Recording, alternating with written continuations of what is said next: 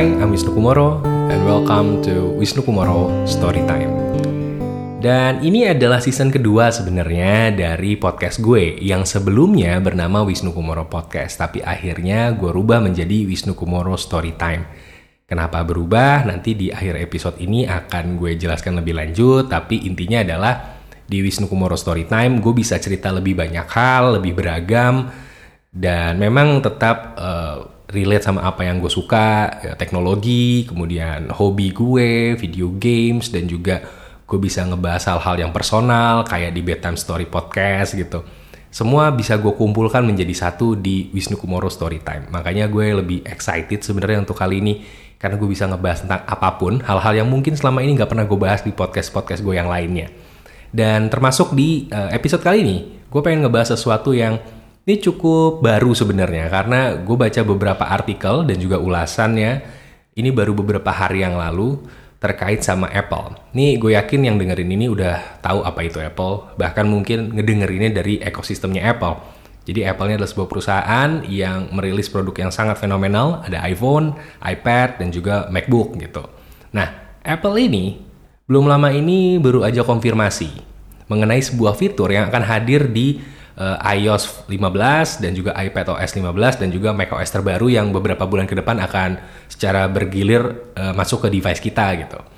Dan fitur ini berkaitan sama child sex abuse. Nah, atau pelecehan uh, atau kekerasan terhadap anak-anak. Dan ini sebenarnya adalah fitur yang cukup banyak didukung oleh orang-orang karena siapa sih yang nggak ngedukung uh, kalau ada hal baik gitu kan ya secara moral baik di terlepas agamanya apa pun. Gue rasa kalau udah berkaitan sama child sex abuse semua orang akan dukung. Nggak ada orang berakal sehat yang menolak ini gue rasa. Jadi Apple mengkonfirmasi kalau di updatean berikutnya dari software mereka itu akan ada semacam deteksi untuk CSAM atau Child Sexual Abuse Material.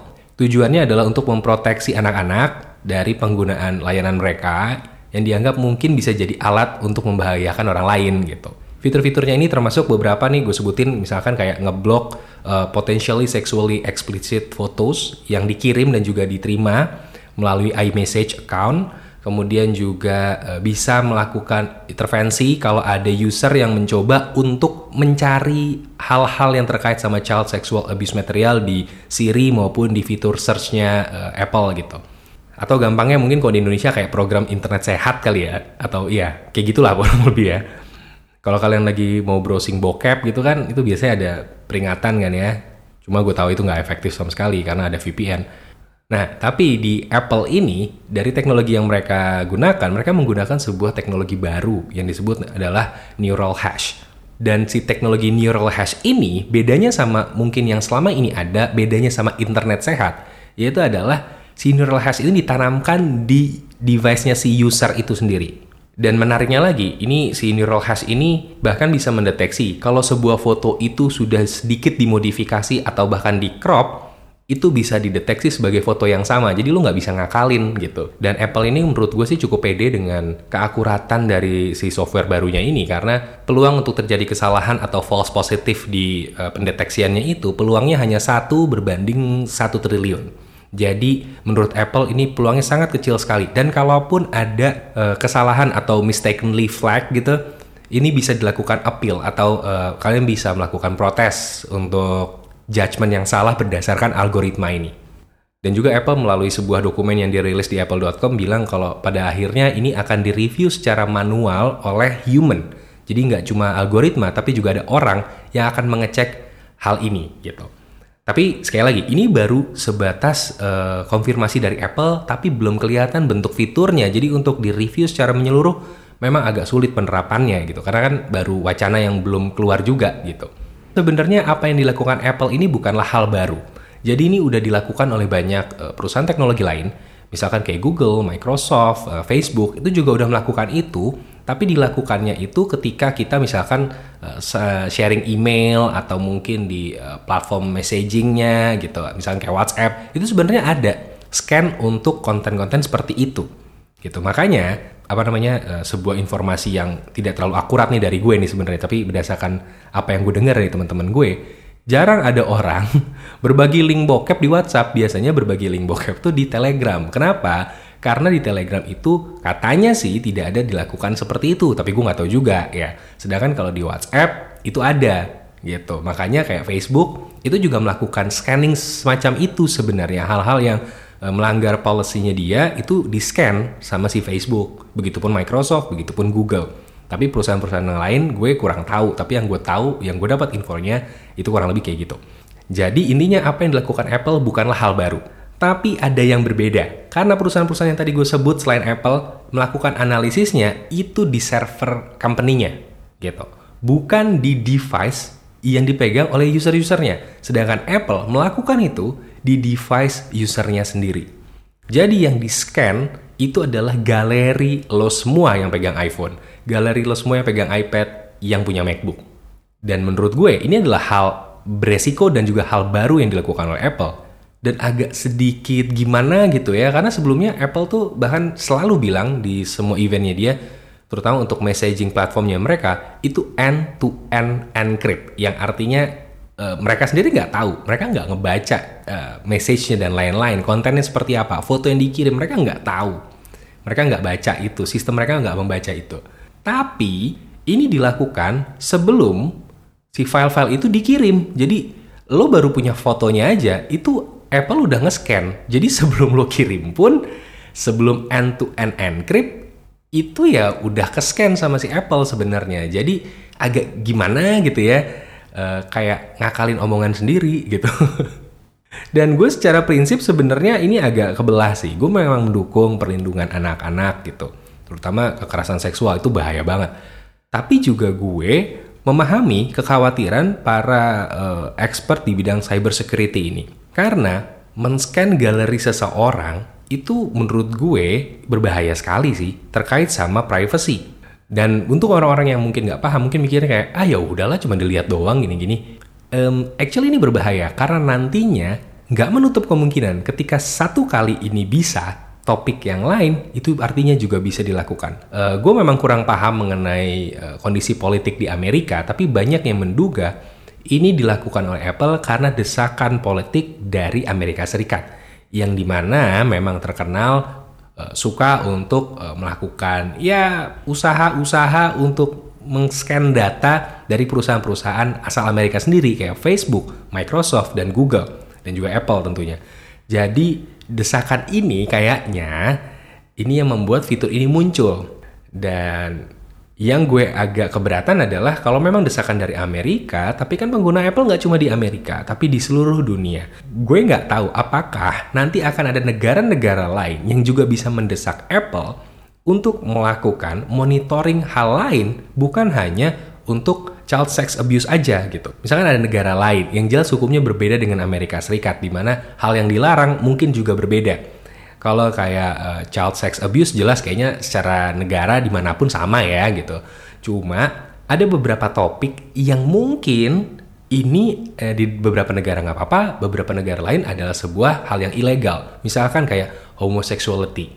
Kemudian juga mungkin ada uh, penggunaan ganja misalkan itu adalah hal-hal yang uh, sebenarnya adalah private masing-masing gitu.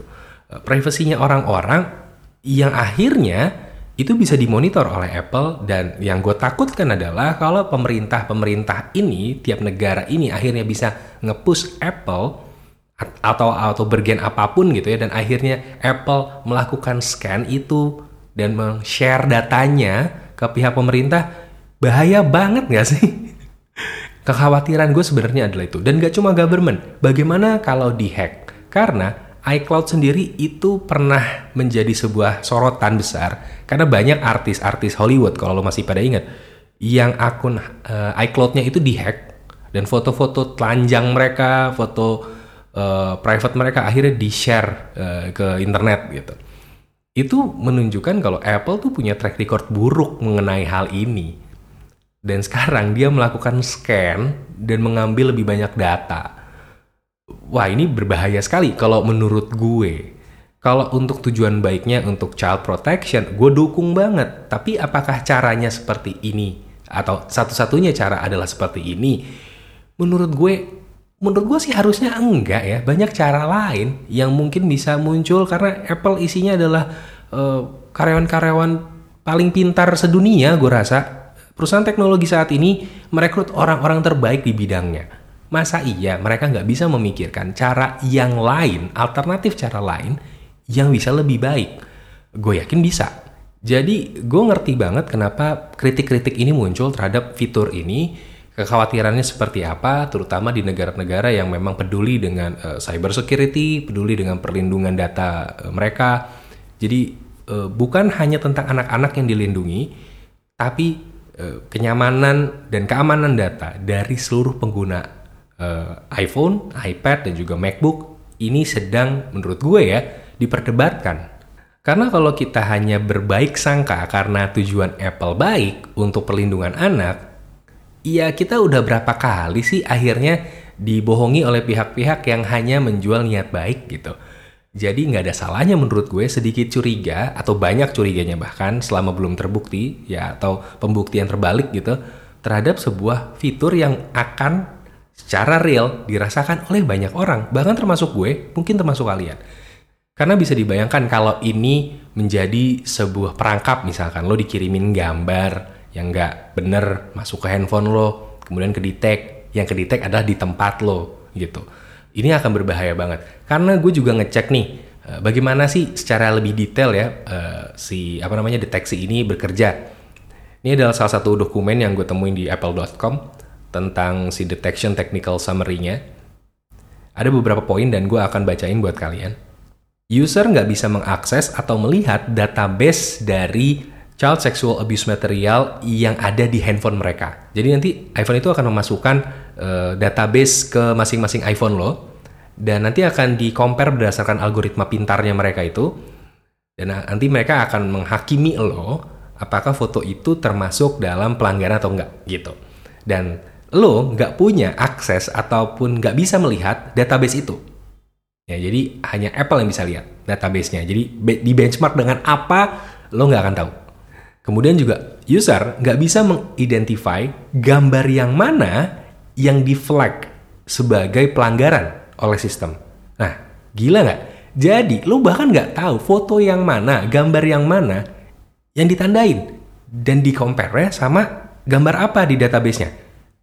Ini kan kayak lo dihakimi mesin dengan sungguh semena-mena sebenarnya. Karena lo tinggal mempercayai mesin ini pintar, cukup pintar untuk melakukan ini. Tapi ya kan bahaya nggak sih? Uh, hidup mulai dikontrol satu persatu per aspeknya sama mesin karena dianggap mungkin ya mesin itu tidak punya konflik of interest. Mungkin dianggapnya jadi ya bakal lebih fair untuk melihat itu dan angka kesalahannya itu sangat rendah tadi katanya bahkan satu banding satu triliun kemungkinan yang artinya mungkin dari satu triliun orang ada satu orang sial. Ini adalah alat yang sungguh-sungguh menarik sekali jika dimiliki oleh government dan gue yakin banyak government yang akan mencoba untuk membujuk Apple bergain sama Apple untuk bisa menggunakan tanda kutip senjata ini untuk men-scan masyarakatnya. Karena kita nggak bisa tahu database-nya.